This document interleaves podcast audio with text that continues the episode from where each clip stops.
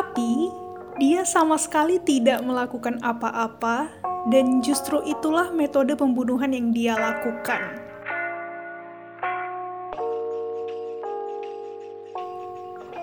Gimana caranya seseorang tidak melakukan apa pun tapi bisa jadi tersangka pembunuhan? Ada, ada caranya. Dan itulah yang dituliskan oleh Keigo Higashino sepanjang 347 halaman novel Salvation of a Saiyan. Premisnya menarik.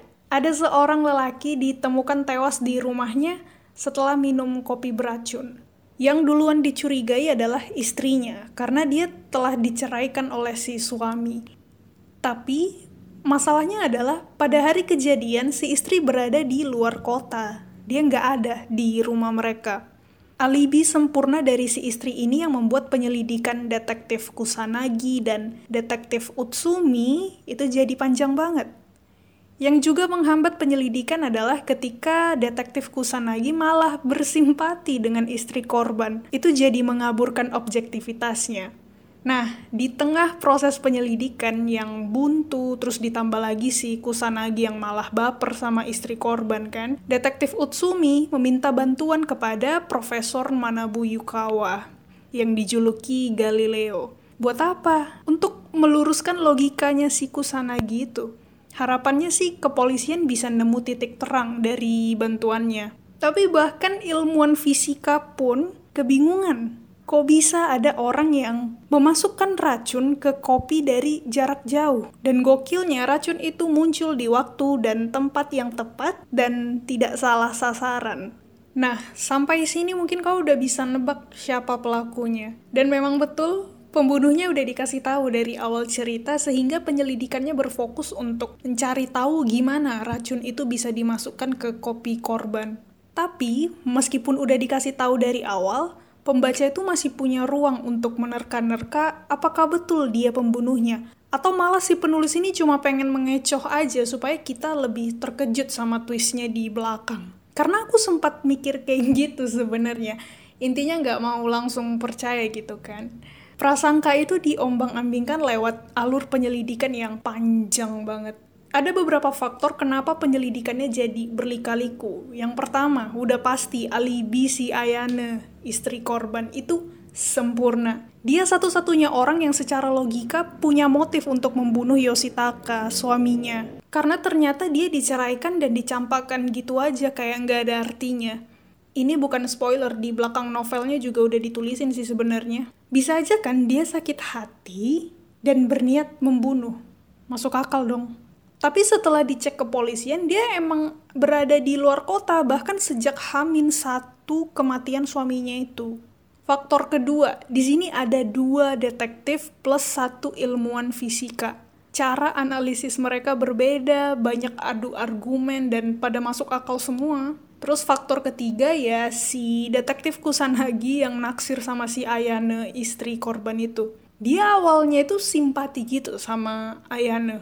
Ini perempuan cantik, karirnya bagus, lemah lembut, perhatian sama suami kok malah dapat nasib seperti ini sih, malang banget. Dan dari situ Kusanagi nggak terima ketika Utsumi mencurigai kalau Ayane lah pembunuhnya. Faktor keempat dan ini yang paling menghambat yaitu bukti yang ditemukan detektif belum cukup untuk menjerat pelaku. Untuk mengungkap kebenaran kasus ini, kedua detektif itu mewawancarai kenalan korban. Terus mereka juga berulang kali meneliti TKP, meneliti keran air, perabotan. Awalnya mereka meminta keterangan yang berkaitan dengan kasus pembunuhan itu. Tapi untuk bisa mengungkap motif terus siapa pelakunya dan cara dia membunuh, detektif harus menggali kehidupan masa lalu si korban, ikut juga dengan pekerjaannya, karakternya, bahkan sampai pertemuan pertama antara Yoshitaka dan Ayana itu juga digali. Apakah semua hal itu ada hubungannya sama kematian Yoshitaka? Ya, baca sendiri nanti. Saking panjangnya proses penyelidikan kasus ini, si detektif Kusanagi aja pernah sampai di titik merasa gak yakin dengan apa yang dia lakukan. Maksudnya, dia bahkan gak bisa memastikan kalau penyelidikan ini udah berada di jalur yang benar dan akan membuahkan hasil nantinya. Bisa aja kan selama ini Mereka melupakan satu hal penting dan malah terlalu fokus pada hal yang sebenarnya bukan inti dari kasus. Di samping semua lika-liku penyelidikan detektifnya, aku tetap ngerasa novel ini seru. Dalam artian gak ada alur atau plot yang gak perlu atau sengaja dipanjang-panjangkan demi memancing rasa ingin tahu kita. Narasinya juga mengalir, dituliskan dari sudut pandang orang ketiga dan kebanyakan formatnya pakai percakapan langsung antar tokoh. Jadi meskipun panjang, gak butuh waktu lama buat pembaca maju ke halaman berikutnya. Pengungkapan plot twistnya menurutku mengejutkan. Tentu saja otak pas-pasan saya ini nggak pernah mikir sejauh yang dilakukan pembunuh di novel ini ya. Tapi mengejutkannya bukan cuma karena itu cara pelaku membunuh Yoshitaka kalau dipikir-pikir sebenarnya gak realistis. Itu tuh sesuatu yang tidak akan dilakukan oleh manusia biasa. Mulai dari cara dia mendapatkan racun, sejak kapan dia mulai berniat membunuh, di bagian mana racun itu diselipkan sebelum diseduh ke kopi, dan udah pasti apa motif pembunuhannya Ingat nggak tadi di awal aku bilang detektif Utsumi sampai minta bantuan ke Profesor Yukawa, ilmuwan fisika. Nah itu, sampai butuh ilmu fisika untuk mengungkap gimana caranya racun di kopi itu bisa sampai tepat sasaran. Soalnya, kalau terlambat atau meleset sedikit aja, bisa aja bukan Yoshitaka yang mati. Atau bisa jadi korbannya bukan hanya Yoshitaka. Tapi lewat trik yang dilakukan si pelaku, racun itu mematikan orang yang tepat di waktu yang sudah direncanakan. Sekarang kita ngomongin tokoh-tokohnya deh, beserta karakter mereka. Di awal cerita ada dua orang detektif yang ditugaskan untuk menyelidiki kasus ini.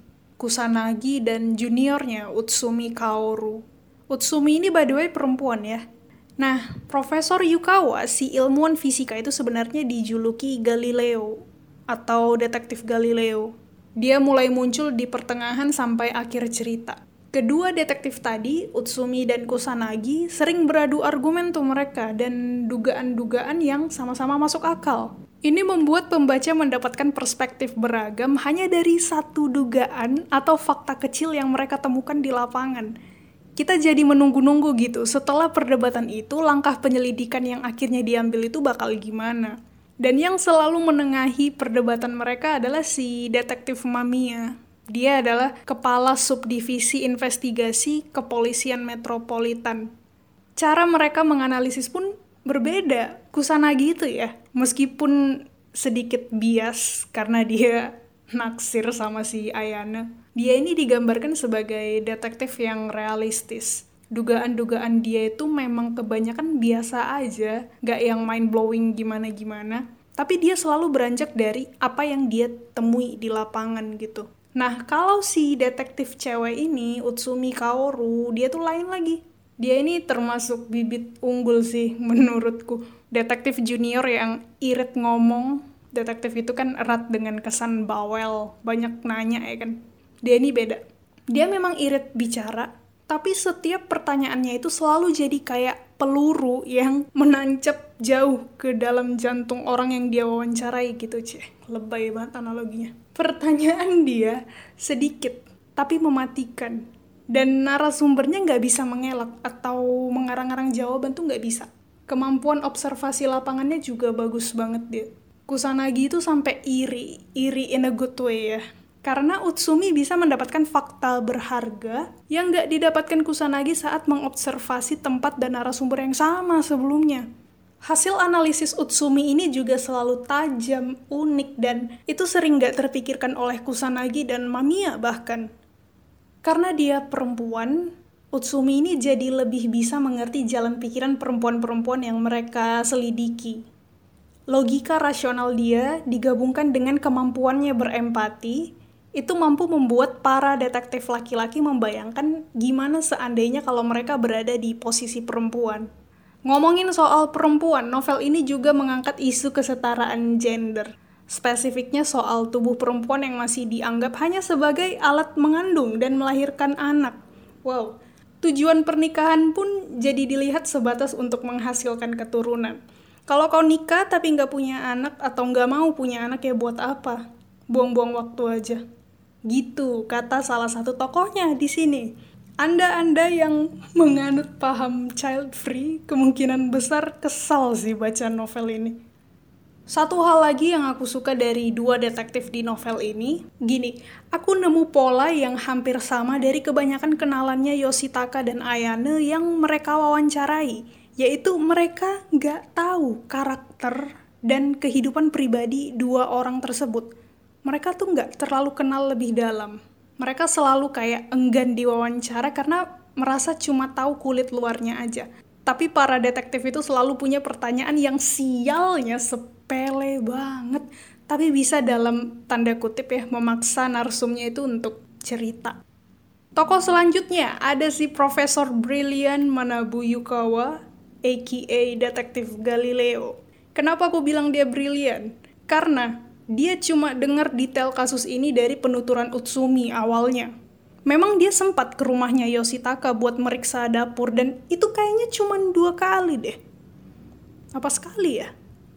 Pokoknya nggak lebih dari dua kali. Tapi dari sumber itu aja, dia bisa memecahkan trik gimana racun itu bisa dimasukkan. Yang menariknya lagi, um, setelah dia menemukan trik itu, Yukawa nggak langsung ngasih tahu para detektif. Alasannya ada dua. Pertama, karena dia sendiri berpendapat kalau trik itu gak bisa dilakukan oleh orang biasa saking mind-blowingnya. Dan yang kedua, karena dia khawatir analisis ini akan mengaburkan objektivitas para detektif.